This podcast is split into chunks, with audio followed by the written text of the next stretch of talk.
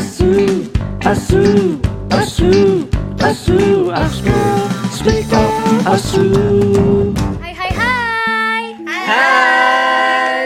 Selamat pagi, siang, sore, dan malam para pendengar setia Axpro di mana pun kalian berada Nah, tanpa kita sadari, Axpro udah masuk ke volume 3 nih Jadi selamat datang di Asu Axpro Speak Up Episode 1 volume 3 Yeay.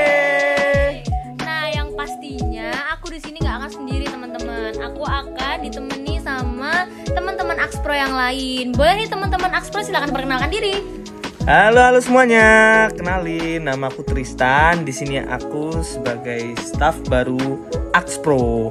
Hai Tristan. Halo. Hai teman-teman, kenalin semuanya. Nama aku Fadi dan aku di sini menemani Tristan dan Mbak Vira sebagai staf baru dari Departemen Aksi dan Propaganda. Halo Fadi. Oke, halo Fadi dan Tristan. Selamat datang dan selamat bergabung di Axpro. Semoga kita bisa ber- berdinamika bersama ya di sini. Oke, pada malam hari ini yang pasti kita akan membahas topik yang mungkin baru-baru ini hangat ya gitu di kalangan dokter hewan. Nah, yang pasti topik ini akan menarik. Sebelumnya nih aku mau tanya ke teman-teman, eh, terutama Fadia dan Tristan. Kalian tahu nggak nih sebagai calon dokter hewan? eh deket-deket ini tuh ada hari apa sih? Tahu nggak? Apa ya? Hmm, apa ya? Tahu nggak, Tan? cuma UTS ya. Hmm, Apa responsi? responsi? Mau aku spill nih? Mau mau mau. Boleh tuh apa? Oke, jadi teman-teman tanggal 29 April itu diperingati sebagai Hari Kedokteran Hewan Sedunia. Nah, jadi nggak mungkin dong kalau harusnya Tristan sama Fadia nggak tahu kan kita di sini sebagai calon dokter hewan juga. Nah, mungkin bagi Tristan sama Fadia tahu nggak sih menurut kalian apa itu Hari Kedokteran Hewan Sedunia? Apa aja deh yang kalian ketahui tentang itu? Siapa dulu nih? Dari aku dulu ya, teman-teman. Jadi, seperti yang aku tahu, kalau sejarah dari Hari Kedokteran Hewan Sedunia itu dimulai dari tahun 1761, yaitu waktu sekolah kedokteran hewan itu pertama kali dibangun di dunia, teman-teman. Dan itu didirikannya di Lyon, Prancis.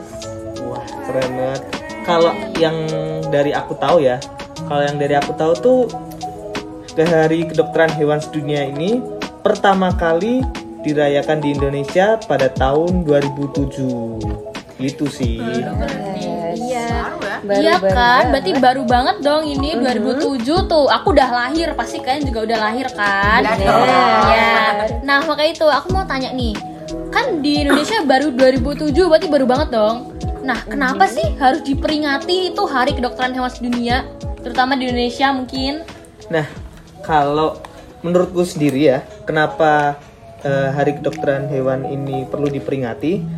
Karena di sini tuh dokter hewan ini punya peran yang sangat besar. Jadi eh, seperti yang kita tahu, eh, mungkin ya bukan seperti yang kita tahu ya. Mungkin teman-teman banyak yang kurang tahu nih kalau dokter hewan ini sebenarnya nih punya peranan yang sangat besar di eh, mungkin segala aspek di kehidupan kita saat ini. Jadi mungkin teman-teman tuh pengetahuannya cuma sebatas ah dokter hewan ini cuma kayak dokter klinik, dokter praktik nih. Padahal enggak. Padahal dokter hewan ini punya peranan yang eh, tersebar luas di lingkungan sana di ya di kehidupan kita lah. Jadi ini sebagai salah satu bentuk apresiasi untuk dokter hewan. Tuh.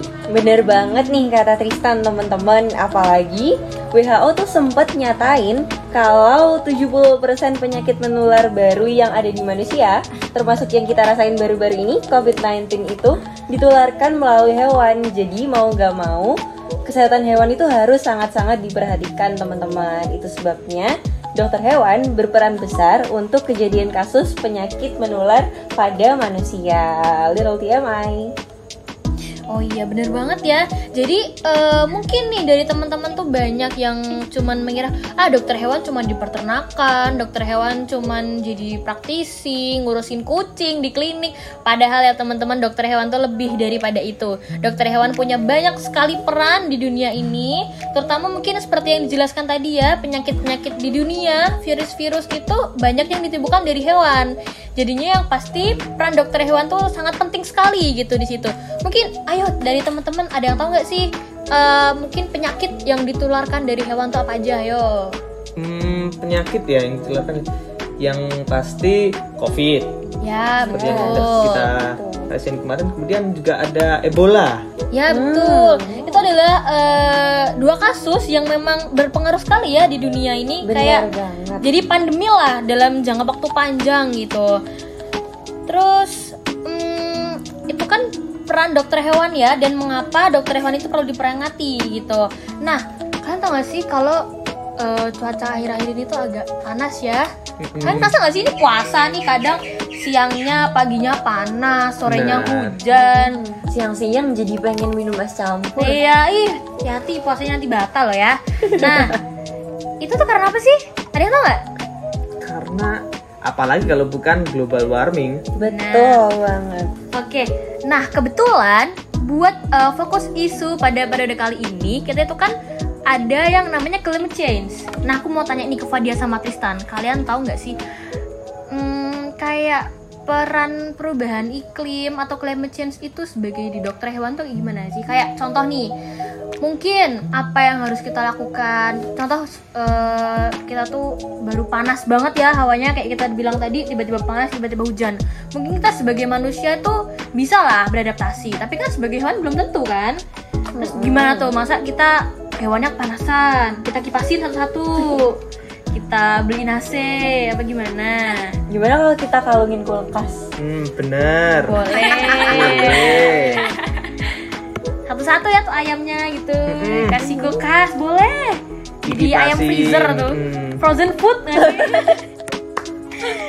boleh dia dijelasin gimana tuh? Kalau dari perubahan iklim ini sebenarnya peran dokter hewan ini juga cukup besar ya. Kalau kita lihat perubahan iklim ini eh, juga sangat berdampak pada hewan-hewan. Jadi mungkin ini bisa mempengaruhi kayak pola migrasi, kemudian eh, ya penyebaran penyakit itu juga bisa ditularkan melalui migrasi hewan-hewan itu. Jadi kalau misalnya ada perubahan iklim seperti ini, bisa meningkatkan adanya uh, kemungkinan penyakit baru akibat dari uh, hewan-hewan yang bermigrasi tersebut.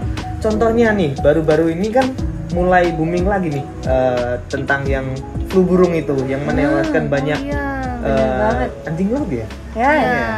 anjing laut. Even yang mati tuh kayak bukan anjing laut, kayak almost semua mamalia laut yang ada yang tinggal di sekitar daerah-daerah yang terkontaminasi itu jadinya pada mati. Ya, di sini peran dokter hewan ini kayak apa ya? Kayak superhero. Dia Iya. kayak nggak terlalu terlihat tapi dampaknya besar Wow. dirasakan. Jadi mungkin nanti peran dokter hewan ini bisa memberikan vaksinasi, kemudian perawatan kesehatan yang tepat untuk hewan sehingga penyakitnya ini nggak eh, merebak ke mana-mana gitu.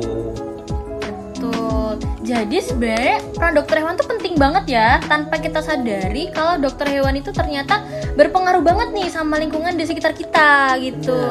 Bener banget. Terutama di kehidupan kita. Nah, mungkin eh, ada tambahan lagi dari Fadia atau Tristan. Dari aku nih teman-teman, jadi karena kita tahu karena tadi Tristan udah ngasih kita insight yang baru tentang dampak yang baru-baru ini kita rasakan yaitu dari flu burung. Kalau aku tuh mungkin ini dari itu ya dari point of view-nya seorang dokter hewan yang berkecimpung di bidang hewan ternak.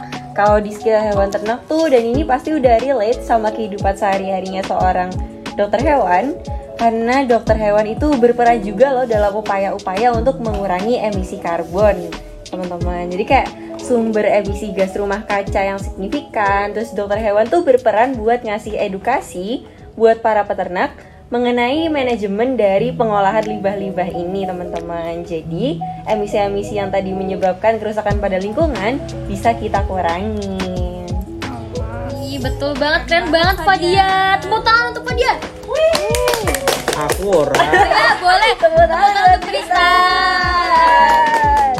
Tepuk tangan untuk Vira. Yeay. Membanggakan diri sendiri nggak apa-apa lah ya. Oke, mungkin dapat aku simpulkan ya dari Tristan dan Fadiah tadi. Jadi yang pertama, kita sebagai dokter hewan, jadi dokter hewan itu ada hari kedokteran hewan sedunia kan. Nah, eh, dan peran dokter hewan itu ternyata sangat penting sekali nih demi eh, kehidupan kita, lingkungan kita. Terus ternyata peran dokter hewan itu juga berpengaruh juga ya di climate change. Bener Ya, banget. Tuh di perubahan iklim ini juga. Nah, dengan seperti itu, marilah kita bersama-sama untuk eh, menghargai dan merayakan kontribusi para dokter hewan dalam menjaga kesehatan hewan dan lingkungan. Yeay. Itu.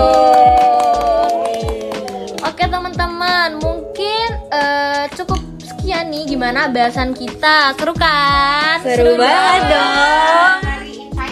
Wih bagus. Makanya pokoknya eh, teman-teman jangan sampai lewatkan episode asu di berikutnya.